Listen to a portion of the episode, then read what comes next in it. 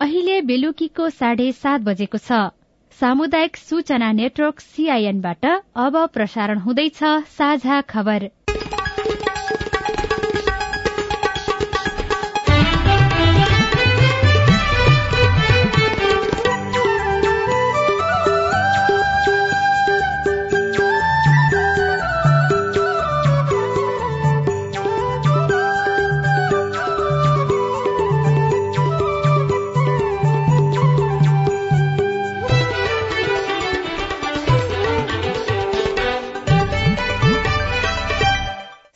सीआईएनको साझा खबरबाट सोभिता रिसालको नमस्कार। साझा खबर देशभरिका सामुदायिक रेडियो सीआईएन खबर डट कम र मोबाइल एप सीआईएनमा पनि सुन्न सकिन्छ।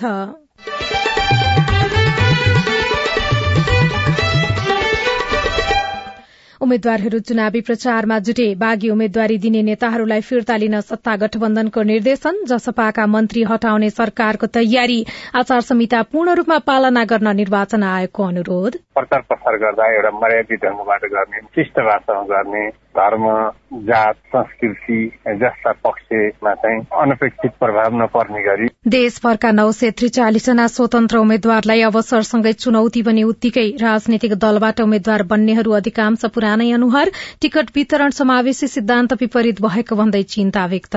एउटा कुरा के हो भने कुनै पनि दल विशेषमा चाहे दलित होस् वा मधेसी होस् वा महिला होस् एउटा निश्चित ओहदासम्म एउटा निश्चित सोपानसम्म मात्र उहाँहरूलाई उक्लिन दिइन्छन् चार महिनामा एक अर्ब तीस लाख युनिट विद्युत भारत निर्यात सात अर्ब त्रियानब्बे करोड़ बढ़ी आमदानी चिसो मौसम शुरू भयो। बाथरोगको जोखिम बाथरोगको निशुल्क उपचार हुन्छ?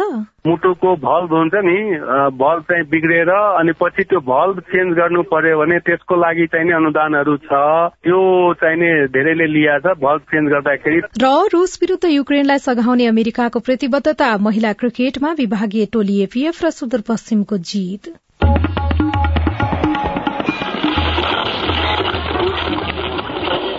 सयौं रेडियो। हजारौं रेडियो कर्मी र करोड़ौं नेपालीको माझमा यो हो सामुदायिक सूचना नेटवर्क सीआईएन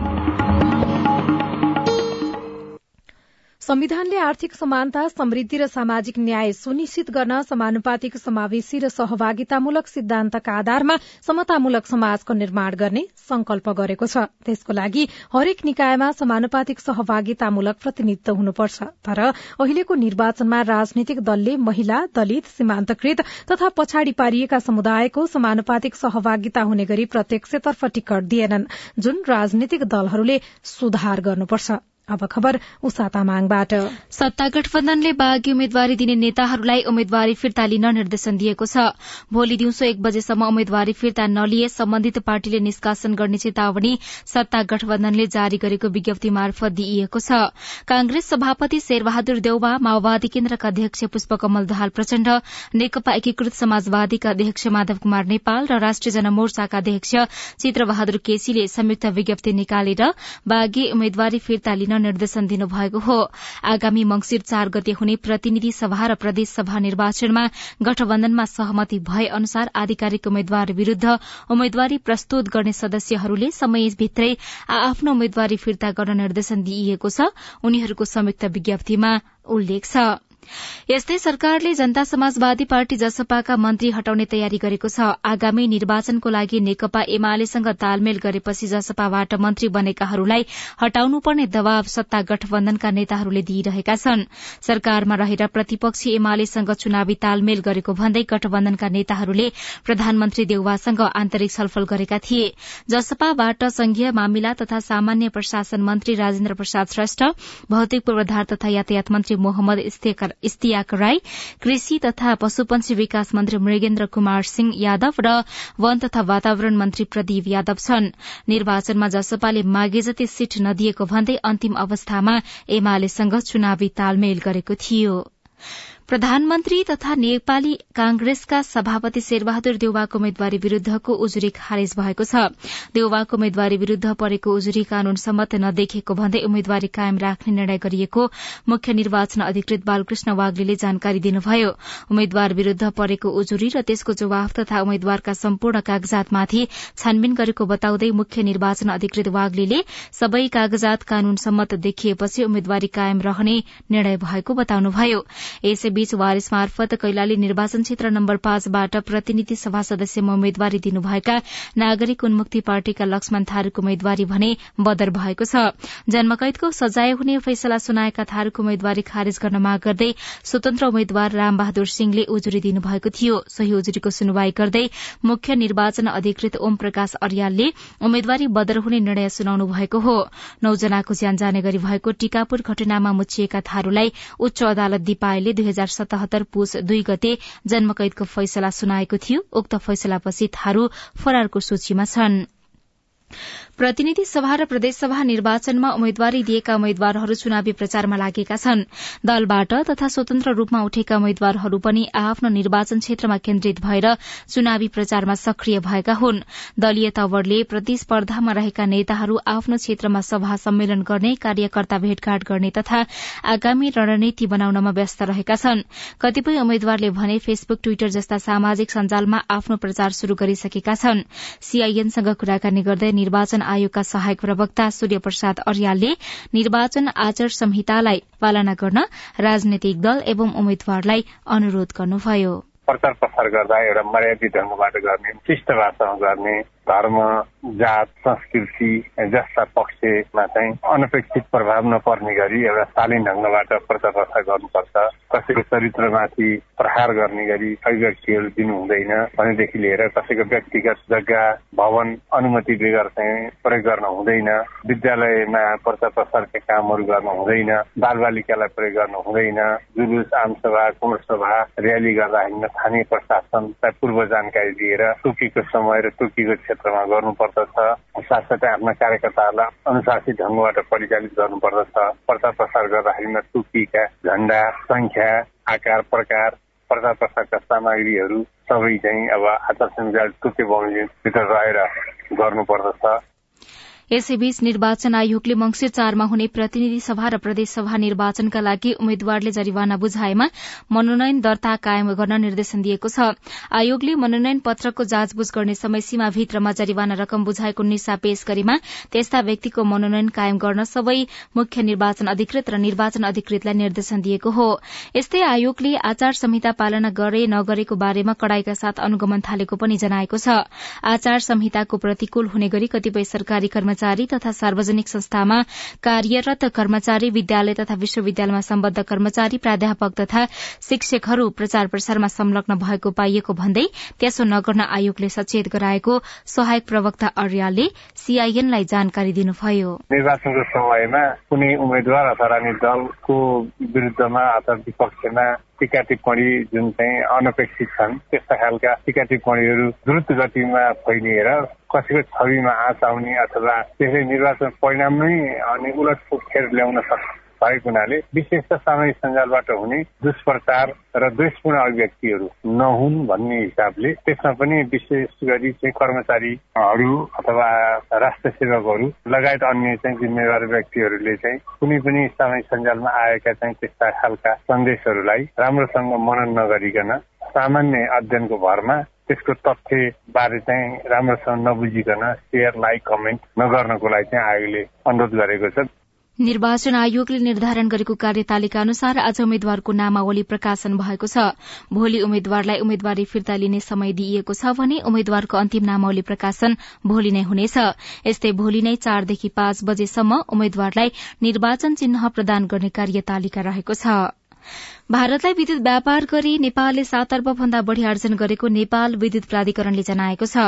देशभित्र खपत गरी बढ़ी भएको वर्षायामको विद्युत गएको जेठ उन्नाइस गतेदेखि निर्यात शुरू गरेकामा असोज पच्चीस गतेसम्मको अवधिमा एक अर्ब तीस लाख युनिट निर्यात भएको छ। इण्डियन इनर्जी एक्सचेन्ज लिमिटेड आईएक्सको डे अहेड बजारमा प्रतिस्पर्धा मार्फत बिक्री गरी चार अर्ब पञ्चानब्बे करोड़ छ्यात्तर लाख भारू अर्थात सात अर्ब त्रियानब्बे करोड़ रूपियाँ बराबरको भारतीय मुद्रा नेपाल भित्रिएको हो। विद्युत निर्यात एक अर्ब युनिट नाग्नु नेपालको लागि ठूलो उपलब्धि भएको प्राधिकरणका कार्यकारी निर्देशक कुलमान घिसिङले बताउनुभयो। प्राधिकरणले चालू आर्थिक वर्षमा विद्युत निर्यातबाट करिब सोह्र अर्ब रूपियाँ आमदानी गर्ने लक्ष्य राखेको छ। निर्यात गरिएको विद्युतको प्रति युनिट औषध मूल्य सात रूपियाँ एकानब्बे पैसा रहेको छ। राष्ट्रिय परीक्षा बोर्डले शैक्षिक सत्र दुई हजार उनासी अस्सीको परीक्षा सम्बन्धी वार्षिक कार्यतालिका सार्वजनिक गरेको छ। कार्यतालिका अनुसार कक्षा बाह्रको वार्षिक परीक्षा दुई हजार अस्सी साल वैशाख दोस्रो सातामा सञ्चालन गरिनेछ भने नतिजा साउन मसान्तभित्र सार्वजनिक गरिनेछ। कक्षा एघारको वार्षिक परीक्षा भने दुई हजार अस्सीको वैशाख अन्तिम साताबाट सञ्चालन हुने कार्यतालिकामा उल्लेख छ। कक्षा एघारको आंशिक ग्रेड वृद्धि परीक्षा दुई हजार अस्सी वैशाख महिनाको तेस्रो हप्तादेखि सञ्चालन हुनेछ भने नतिजा भदौ मसान्तभित्र प्रकाशन गरिनेछ। कार्यतालिका अनुसार कक्षा एघारमा भर्ना भएका विद्यार्थीहरूका लागि दुई हजार उनासीका कार्तिक मसान्तभित्र रजिस्ट्रेशन आवेदन फारम वितरण हुनेछ। साझा खबरमा अब विदेशको खबर। रसियाले गरेको हवाई आक्रमणका कारण युक्रेनी शहरका पूर्वाधारहरू भत्किएका छन् भने नागरिकको जनजीवन त्रासयुक्त बनेको छ। यसअघिका आक्रमणहरूको तुलनामा रूसले हवाई आक्रमण शुरू गरेको दोस्रो दिनमा थप बढ़ी भौतिक क्षति भएको अन्तर्राष्ट्रिय संचार माध्यमहरूले जनाएका छन्। रातभरि भएको आक्रमणका कारण अग्ला र ऐतिहासिक भवनहरू ध्वस्त भएका छन्। अमेरिकाले रूस विरूद्ध युक्रेनलाई सघाउने आश्वासन दिएको छ। रूसले गरेको आक्रमण र आगामी रणनीतिको बारेमा छलफल छलफल गर्न सात शक्तिशाली राष्ट्र अर्थात जी सेभेनको बैठक बस्दैछ। र एउटा खेल खबरमा नवौं राष्ट्रिय खेलकुद प्रतियोगिता अन्तर्गतको महिला क्रिकेटमा विभागीय टोली एपीएफ क्लबले जित निकालेको छ। पोखरामा आज भएको खेलमा नेपाल एपीएफ क्लबले बागमती प्रदेशलाई चार विकेटले हराएको हो। बागमतीले दिएको नब्बे रनको लक्ष्य पछ्याएको एपीएफले उन्नाइस ओभर एक बलमा छ विकेट गुमाएर लक्ष्य पूरा गर्यो। त्यस्तै आज भएको दोस्रो खेलमा गण्डकीलाई सुदूरपश्चिम प्रदेशले हराएको छ। गण्डकीले दिएको साठी रनको लक्ष्य सुदूरपश्चिमले चार विकेट गुमाएर दश ओभर दुई बलमा पूरा गरेको हो। प्रतियोगितामा सात प्रदेश र दुई विभागीय गरी नौ टोली सहभागी छन्।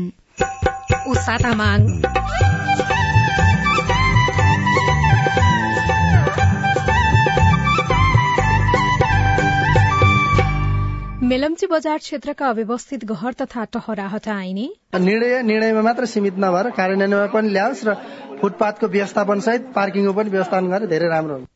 नगरपालिकाको निर्णय कार्यान्वयन हुनेमा स्थानीयको आशंका रिपोर्ट समावेशिताको सिद्धान्त कार्यान्वयनमा दलहरू किन चुक्छन् कुराकानी लगायतका सामग्री बाँकी नै छन् सीआईएनको साझा खबर सुन्दै गर्नुहोला।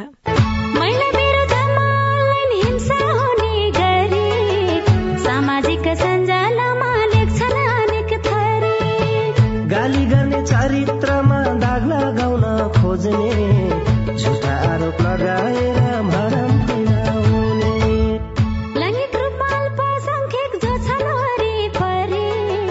नाना थरी हिंसा गर्छन् होच्याउने गरी। नजिस्काउनु शरीर र यौनिकतालाई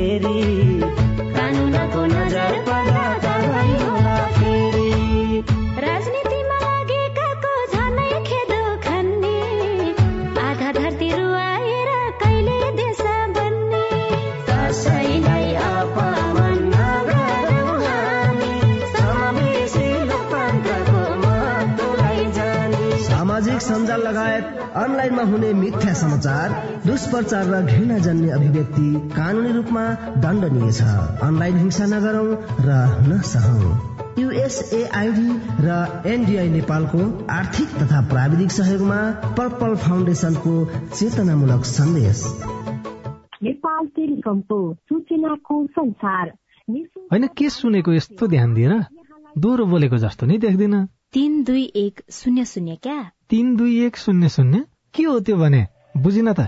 ल सुन एनटिसी प्रयोगकर्ताहरूले आफ्नो मोबाइल तथा ल्यान्डलाइनमा तीन दुई एक शून्य शून्य डायल गरी समाचार रेडियो कार्यक्रम खेल र अन्य विषय बारे सन्देशहरू जुनसुकै बेला निशुल्क सुन्न सक्छन्। ओहो निशुल्क?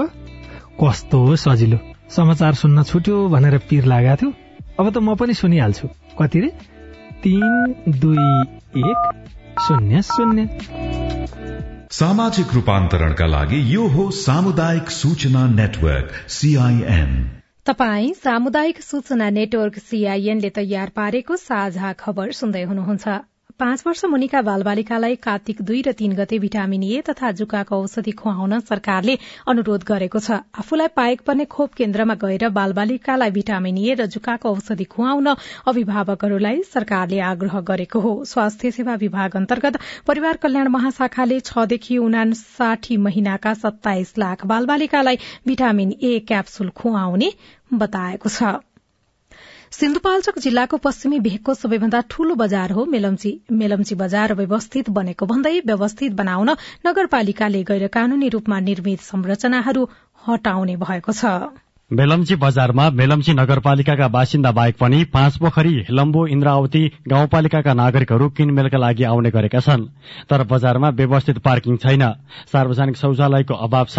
पिउने पानीको समेत व्यवस्था छैन। जसका कारण किनमेलका लागि आएका नागरिक हैरान हुन्छन्। मेलम्ची पाँचका सुरेन्द्र तामाङ। हेलम्बु सिन्धुकोट माङकाल पाल्चोक दुबाचौर केवरिनी पाँच पोखरी ततैबाट पनि मान्छेहरू आउँछन् ग्राहकहरू आउँछन् तर यहाँ खानेपानीको सुविधा देखिँदैन। सार्वजनिक टोयलेटको सुविधा देखिँदैन बाइकहरू पार्किङ गाडीहरू पार्किङको सुविधा देखिँदैन। एकदम यहाँ अति आवश्यक मेन भनेको सार्वजनिक टोयलेट खानेपानी। त्यो अति आवश्यक देखिन्छ भने यो गाडी बाइकहरू पार्किङको पनि अति आवश्यक देखिन्छ। अहिले मेलम्ची नगरपालिकाले गैर कानूनी रूपमा निर्माण गरिएका संरचना हटाउने जथाभावी फोहोर नदिने र पार्किङलाई व्यवस्थित बनाउने कोसिस गरिरहेको छ। विगतमा पनि बजार क्षेत्रलाई व्यवस्थित बनाउने योजना नबनाइएको होइन। त्यसैले पनि अब बजार व्यवस्थित र सफा बन्नेमा नागरिक भने आशंका व्यक्त गर्छन्। मेलम्चीका व्यापारी विष्णु प्रसाद दुलाल। नगरपालिकाले अघिल्लोचोटि पनि यस्ता निर्णय त गरेको थियो तर कार्यान्वयनमा ल्याउन सकेको थिएन। निर्णय निर्णयमा मात्र सीमित नभएर कार्यान्वयनमा पनि ल्याओस् र फुटपाथको व्यवस्थापन सहित पार्किङको पनि व्यवस्थापन गरे धेरै राम्रो हुन्छ। देशका अन्य महानगर उपमहानगर तथा नगरपालिकाहरूमा पनि अवैध रूपमा बनेका संरचना हटाउने काम चलिरहेको छ। पार्किङ व्यवस्थित बनाउने र सरसफाई र हरियाली बनाउने योजनामा मेलम्ची नगरपालिकाले पनि काम गरिरहेको छ। नगरपालिकाले नागरिकलाई आफै संरचना हटाउन आग्रह गरेको छ। अटेर गरेमा दशैं तिहारपछि हटाउने निर्णय भएको राजस्व शाखाका प्रमुख राजेन्द्र दुलालको भनाइरहेको छ। अब हामीले चाहिँ बजार व्यवस्थापन समितिबाट निर्णय गरिएको छ यो कुरा होइन? बजार अनुमोदन समिति पनि निर्णय गरेका छ। सबै जनप्रतिनिधि पोजिटिभ हुनुहुन्छ। व्यवसायहरू पनि हामीलाई सहयोग गर्न चाहिँ इच्छुक हुनुहुन्छ। त्यस कारणले गर्दाखेरि हामीले यसलाई चाहिँ यो हटाउने निर्णय हामी कार्यान्वयन गर्छौँ। अब हामीले सूचना जारी गरेका छौँ होइन? अब व्यवसायहरूले हटाउनु भएन भने हामीले निर्णय अनुसार हामीले बल प्रयोग गरेर भए पनि त्यो हटाउँछौँ। गैर कानूनी संरचना हटाउने शौचालय पार्किङ पिउने पानीको धारालाई व्यवस्थित बनाउने योजना नगरपालिकाको भए पनि योजना कार्यान्वयनमा आउने नआउनेमा नागरिक अझै आशंका गर्छन्। विपिन ढुङ्गाना सीआईएन रेडियो मेलम्ची सिन्धुपाल्चोक साझा खबरमा अब हेलो सीआईएन अविनाश आचार्यबाट। रौतहटको ईशनाथ नगरपालिकाबाट विजय कुमार शाह सीआईएनको फेसबुक पेज मार्फत सोध्नुहुन्छ नेपालमा बाथ रोगको उपचार निशुल्क छ? जवाफ दिँदै हुनुहुन्छ स्वास्थ्य तथा जनसंख्या मन्त्रालयका प्रवक्ता डाक्टर सञ्जय कुमार ठाकुर। बाथ रोगको उपचार निशुल्क चाहिँ छैन तर मुटु बाथ रोग भन्ने एउटा अर्को छ। मुटु बाथ रोग भनेको के भन्दाखेरि घाँटी पाक्ने रोग भयो बच्चामा टन्सिलाइटिसहरू भएर त्यहाँबाट मुटुको भल्भ हुन्छ नि भल्भ चाहिँ बिग्रेर अनि पछि त्यो भल्भ चेन्ज गर्नु पर्यो भने त्यसको लागि चाहिने अनुदानहरू छ। त्यो चाहिने धेरैले लिएको छ भल्भ चेन्ज गर्दाखेरि। त्यो भनेको मुटु बाथ रोग भन्छ कि त्यसलाई? त्यो बाथ रोग छुट्टै हो र मुटु बाथ रोग छुट्टै हो। धनराज राहुल बोलेको शिक्षक सेवा अध्यापन अनुमति पत्रमा उमेरको हद लाग्छ कि लाग्दैन? चालिस वर्ष उमेर कटिसकेपछि अध्यापन अनुमति पत्रमा समावेश हुन पाइन्छ कि पाइँदैन? शिक्षक सेवा आयोगका शाखा अधिकृत प्रज्ञा ढकालका अनुसार शिक्षक सेवा आयोगले लिने स्थायी सेवाको परीक्षाका लागि उमेर हद तोकिएको छ। तर अध्यापन अनुमति पत्रको परीक्षामा अठार वर्ष माथिका सबै व्यक्ति सहभागी हुन पाउने व्यवस्था छ। असमबाट समीर बुढा सिटिपिटीले लगेको इक्जाममा सिभिल इन्जिनियरिङको छैटौँ सेमेस्टरको रिजल्ट कहिले प्रकाशित गर्छ होला? अहिलेसम्म किन नगरेको होला? यसबारे जानकारी पाउन सकिन्छ कि? तपाईँको प्रश्नमा प्राविधिक शिक्षा तथा व्यावसायिक तालिम परिषद परीक्षा नियन्त्रण कार्यालय भक्तपुरका उपनियन्त्रक पुष्पराज पौडेलको जवाब छ। सिभिल इन्जिनियरिङको रिजल्ट तिहार पछि मात्रै हामीले गर्न सकिन्छ। अहिले सबै ठाउँबाट हाम्रो कपी परीक्षण भएर आइसकेको अवस्था नभएर हो। अब कपी परीक्षण भएर आइसकेपछि हामी गर्छौँ। तिहार पछि प्रोसेसिङ हुँदा एक हप्ता जस्तो लाग्ला। तपाईँ जुनसुकै बेला हाम्रो फोन नम्बर शून्य एक बान्न साठी छ चार छमा फोन गरेर आफ्नो विचार प्रश्न गुनासो तथा प्रतिक्रिया रेकर्ड गर्न सक्नुहुन्छ। तपाई सामुदायिक सूचना नेटवर्क सीआईएनले काठमाण्डुमा तयार पारेको साझा खबर सुन्दै हुनुहुन्छ। साझा खबर मोबाइल एप नेपाली पात्रबाट पनि सुनिरहनु भएको छ। स्वतन्त्र उम्मेद्वारका चुनौती र अवसर? अहिलेसम्म वास्तविक जनताका आवाजहरू उठाउँदै आएको छौँ। दलले व्हिप लगाउन नसकोस् साँच्चै जनताको प्रतिनिधित्व गर्न स्वतन्त्र उम्मेदवारी दिएको। दलको घेराबन्दी तोड्न स्वतन्त्र उम्मेद्वारलाई कति सजिलो रिपोर्ट? उम्मेद्वार छनौटमा दलहरूले किन समावेशिता देखाएनन्? एकजना विश्लेषकसँगको कुराकानी बाँकी नै छ। सीआईएनको साझा खबर सुन्दै गर्नुहोला। रोमा दिदी फेरि चुनाव लागे जस्तो छ नि कताको यात्रा हो? तल चौतारीमा आज सबै पार्टीका अध्यक्षहरू आउने रे। महिलालाई टिकट देऊ भनेर दबाब दिन हिँडेको। भनेपछि महिला उम्मेद्वारको पक्षमा महिलाको र्याली अनि दिदी महिलालाई उम्मेद्वार बनाउन तयार हुन्छन् त पार्टी र पुरुष नेताहरू? संविधानले तेत्तीस प्रतिशत महिला सहभागिता गराउनु पर्ने भनेको छ। त्यसैले अब महिला उम्मेद्वारलाई मतदान गरी जिताउनु पर्छ क्या? अनि महिला नै किन? पहिलो त जनसंख्याको आधारमा हाम्रो प्रतिनिधित्व हुने कुरा लोकतन्त्रको आधार हो र हाम्रो अधिकार पनि। अर्को महिलाले जितेमा महिला र अन्य पछाडि पारिएका समुदायको मुद्दा सम्बोधन नीतिगत व्यवस्था र कार्यान्वयन प्रभावकारी हुन्छ। सुन्या होला नि जसको सवाल उसकै नेतृत्व। अनि सुन्नु त महिला उम्मेद्वार उठेपछि उनीहरूका घोषणा पत्रमा महिलाका लागि के के विषय राख्ने भन्ने बारे पनि यस्तै खबरदारी गर्नुपर्छ। घोषणा पत्रले महिलाको सवाल समेट्न सक्यो भने पो हाम्रा मुद्दा अगाडि आउँछन्। नेताहरू उत्तरदायी हुन्थे र हामी महिलाहरूलाई पनि भोट दिम दिम लाग्छ नि। महिला उम्मेद्वार उठेपछि महिलाका लागि के के कुरा चाहिन्छ भन्ने बारे त फेरि हामीले नै सुझाव दिने हो क्या? आगामी मंगिर चारको प्रतिनिधि र प्रदेश सभा निर्वाचनका लागि संविधानको व्यवस्था अनुसार महिला उम्मेद्वारलाई मतदान गरौं। महिला पुनस्थापना केन्द्र ओरेक नेम्स केयर नेपाल र सामुदायिक सूचना नेटवर्क सीआईएन सामाजिक रूपान्तरणका लागि यो हो सामुदायिक सूचना नेटवर्क सीआईएन तपाई सामुदायिक सूचना नेटवर्क सीआईएनले काठमाण्डुमा तयार पारेको साझा खबर सुन्दै हुनुहुन्छ। प्रतिनिधि सभा र प्रदेश सभाको निर्वाचन आउन अब चालिस दिन मात्रै बाँकी छ। प्रतिनिधि सभातर्फ दुई हजार पाँच सय भन्दा धेरैको उम्मेद्वारी परेकोमा नौ सय त्रिचालिस जनाले स्वतन्त्र उम्मेद्वारी दिएका छन्। स्वतन्त्र उम्मेद्वारका चुनौती र अवसर के के हुन सक्छन्? स्वतन्त्र उम्मेद्वारहरूले अहिलेसम्म वास्तविक जनताका आवाजहरू उठाउँदै आएको छौँ। दलले व्हिप लगाउन नसकोस्। साँच्चै जनताको प्रतिनिधित्व गर्न स्वतन्त्र उम्मेदवारी दिएको। स्वागत नेपाल पेसाले अधिवक्ता। उहाँ आगामी निर्वाचनमा झापा दुईबाट प्रतिनिधि सभाको उम्मेद्वार बन्नु भएको छ। हरेक जसो निर्वाचन क्षेत्रमा स्वतन्त्र उम्मेद्वारी परेको छ। स्वतन्त्र उम्मेद्वार मध्ये केहीले चर्चित नेताको क्षेत्र त केहीले आफ्नै जन्म र कर्म थलोलाई रोजेका छन्। पत्रकार देवकुमार यादवले पनि सिराहा दुईबाट स्वतन्त्र उम्मेद्वारी दिनु भएको छ। कुनै दलबाट म चुनाव जित्थे भने त्यो दलको हुन्थे त्यो कारणले मेरो स्वतन्त्र उम्मेद्वारी परेको छ। र स्वतन्त्रहरूलाई अलिक चुनौती के हुँदो रहेछ भने चुनाव चिनको समस्या पर्दो रहेछ। त्यो मान्छेलाई कन्भिन्सै गर्न गाह्रो यो शिक्षाको अवस्था कमजोर भएको ठाउँमा। स्वतन्त्र उम्मेद्वारले राजनीतिक दल र नेताका कमी कमजोरी औल्याउँदै र खास गरी युवा लक्षित चुनावी एजेण्डा बनाएका छन्। राजनीतिक दलहरूले नागरिकका दुःख घटाउनुको साटो विकृति र बेथिति बढ़ाएकाले उनीहरूले धमिल्याएको राजनीतिक अवस्था संग्ल्याउने तर्क स्वतन्त्र उम्मेद्वार गर्छन्। ललितपुर तीनमा प्रतिनिधि सभाको स्वतन्त्र उम्मेद्वार डाक्टर तोसिमा कार्की। व्यवस्थाहरू परिवर्तन भइरह्यो। त्यही व्यवस्थाभित्रका नेतृत्वहरू परिवर्तन पनि भए तर कहिले पनि ती स्थापित दलहरूबाट हामीले खोजेको आधारभूत समस्याका समाधानहरू आउन सकेन नि त। चुनौती छ भन्ने जान्दै जान्दाखेरि नै मैले आफू नै एउटा चुनौतीको रूपमा उदाहरण बनेर अगाडि आएको छु। राजनीतिक दलमा पुस्तान्तरण हुन नसकेको आसे पासे र नाता गोतालाई अवसरमा प्राथमिकता दिने गरिएको काम कम तर कुरा बढ़ी गर्ने गरिएको जस्ता भोगाईका कारण कतिपय मतदाता स्वतन्त्र उम्मेद्वार प्रति उत्साहित र आशावादी देखिन्छन्। पार्टी के, के नाम पर सब कुनो सांसद विधायक बना था अपन अपन कार्यकर्ता अपन बाल बच्चा के भविष्य बनावे खाली सोच रहल बा। जनता के बारे में सोच दिले रही राजू नेपाल के अवस्था ही रही। हमने तो अभी स्वतन्त्र उम्मेद्वार के पूर्ण समर्थन करके देवे तयार बनी छन् आगामी निर्वाचनमा स्वतन्त्र उम्मेद्वारका लागि चुनौती र अवसर के के हुन सक्छन्? एकजना राजनीतिक विश्लेषक डम्बर खतिवड़ा। स्वतन्त्रहरूसँग त सूत्र साधन पैसा केही छैन। एउटा इच्छा शक्ति छ नेटवर्क छ अब एक महिना मात्रै टाइम छ ठुला ठुला निर्वाचन क्षेत्र छन् प्रचारमा पुग्न पुर्याउन गाह्रो छ। यो चाहिँ स्वतन्त्रहरूको चुनौती हो। यदि स्वतन्त्रहरूले यो चुनौती आफ्नो दुःखद्वारा मेहनतद्वारा सामना गर्न सके भने दलहरूलाई सच्याउन चुनौती दिन या नयाँ राजनीतिक विकल्पहरू खडा गर्नका लागि महत्वपूर्ण योगदान हुन्छ। राजनीतिक दलका नेताप्रति रुष्ट बनेका नागरिकको समर्थन र गएको स्थानीय निर्वाचनमा केही ठाउँमा स्वतन्त्र उम्मेद्वारले पाएको सफलताले स्वतन्त्र उम्मेद्वारलाई हौस्याएको पाइन्छ। तर राजनीतिक दलको लामो इतिहास संगठन कार्यकर्ता खर्च गर्ने क्षमता अनि दलको घेराबाट बाहिर निस्कन नचाहने मतदाताको सनातनी मनोविज्ञानका कारण पनि स्वतन्त्र उम्मेद्वारलाई निर्वाचन जित्न उनीहरूले सोचे जस्तो सजिलो भने देखिँदैन।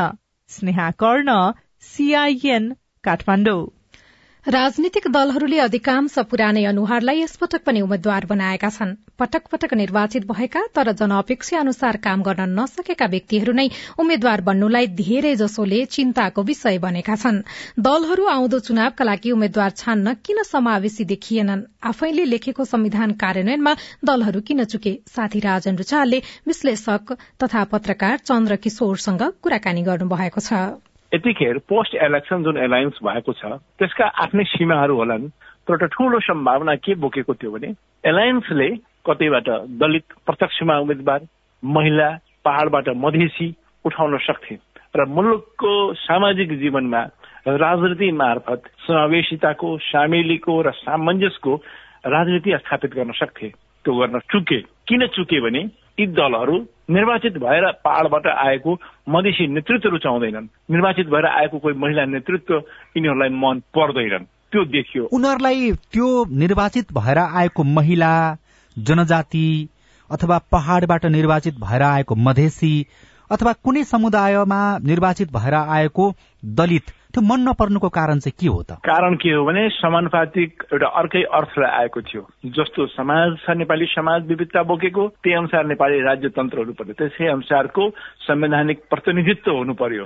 त्यसको लागि त्यो लाइएको थियो। तर जब आफन्तहरू आए जब आफ्ना नातागोताका मान्छेहरूले आए उनीहरू त उनकै मर्जीमै जाने भए। को आउने भयो भने एसम्यान हुन्छ जी हजुरी गर्ने हुन्छन्। उनीहरू आउने भए। त्यो समानुपातिकका आधारमा त्यसै प्रतिनिधि ल्याउन उनीहरू रुचाउँछन्। निर्वाचित भएर आउँदाखेरिको आत्मविश्वास र नेतृत्वसँग आलोचनात्मक चेत राख्न सकिने नेतृत्व पङ्क्तिहरूमा। हुन त राजनीति सफा गर्ने कुरा त्यो मूल राजनीतिको नेतृत्वमै समस्या भएर त्यो सफा नभएको होला त्यो एउटा विश्लेषण गर्न सकिन्छ। तर अर्को आँखाबाट हेर्दाखेरि चाहिँ जनजाति नेताहरू अथवा महिला नेताहरू दलित नेताहरू उम्मेद्वार बन्नको लागि तयार छैनन् भन्ने नजरबाट पनि कतिपयले विश्लेषण गर्छन्। त्यसलाई चाहिँ तपाईँ मान्नुहुन्छ कि मान्नुहुन्न? म स्वीकार गर्दिनन्। रामप्रीत पासवानजीलाई राष्ट्रपति प्रणालीको पहिलो अभ्यासको बेला नेकपा एमाले उम्मेद्वार बनायो। त्यतिखेर उहाँ पराजित हुनुभयो। जब दोस्रो पटक अवसर आयो नेकपा एमालेको जतिखेर उस गणित उसको लागि अनुकूल थियो उनले प्रत्यक्षबाट राष्ट्रपति बनाउन सक्थे। सदनको गणितबाट उनले प्राथमिकतामा राखेनन्। मान्छे छन्। दलित नेतृत्व त्यस्तो सम्भावना बोकेको नभएको होइन। जनजाति छन् महिला हुनुहुन्छ त्यो देशको कार्यकारी प्रमुख बन्न सक्नुहुन्छ तर चाहिँ दिइँदैनन् जस्तो कि अहिले चाहिँ चुनाव खर्चिलो भयो भड्किलो भयो प्रचार प्रसार गर्न सकिएन पैसा खर्च गर्न सकिएन भने चुनाव जितिँदैन त्यसकारण चाहिँ ती ओझेलमा परेका पारिएका समुदायका मान्छेहरू चुनाव लड्न सक्दैनन् भन्ने विश्लेषण पनि यदा कदा हुने गर्छ। त्यसलाई चाहिँ के भन्ने? एउटा कुरा के हो भने कुनै पनि दल विशेषमा चाहे दलित होस् वा मधेसी होस् वा महिला होस् एउटा निश्चित ओहदासम्म एउटा निश्चित सोपानसम्म मात्र उहाँहरूलाई उक्लिन दिइन्छन् यदि त्योभन्दा अगाडि बढ्न खोज्यो भने तेरो हैसियत त्यो होइनन् भनेर उनलाई तल झारिन्छन् उनलाई किनारा पारिन्छन्। नेतृत्व त्यति धेरै असहिष्णु छ भनेदेखि चाहिँ त्यो पार्टीभित्र किन त्यस्ता नेताहरू बसिरहन्छन् जसले जनजातिको मधेसीको महिलाको दलितको नेतृत्व गरेर पार्टीभित्र एक खालको लडाई लडिराखेका छन्? आज रामप्रीत पासवान कहाँ छन्? किन कसैले खोजी गर्दैनन् कोही प्रत्यक्षमा कोही दलितले साहस गर्यो भने बाँकी सबैकाहरूले अभिमन्युको जस्तो त्यसको पोलिटिकल मर्डर गर्न खोज्छन्। समस्या त्यहाँनिर छन्। उम्मेद्वारहरू चुनावी प्रचारमा जुट्न थालेका छन्। बागी उम्मेद्वारी दिने नेताहरूलाई फिर्ता लिन सत्ता गठबन्धनले निर्देशन दिएको छ। जसपाका मन्त्री हटाउने सरकारले तयारी गरेको छ। आचार संहिता पूर्ण रूपमा पालना गर्न निर्वाचन आयोगले आग्रह गरेको छ।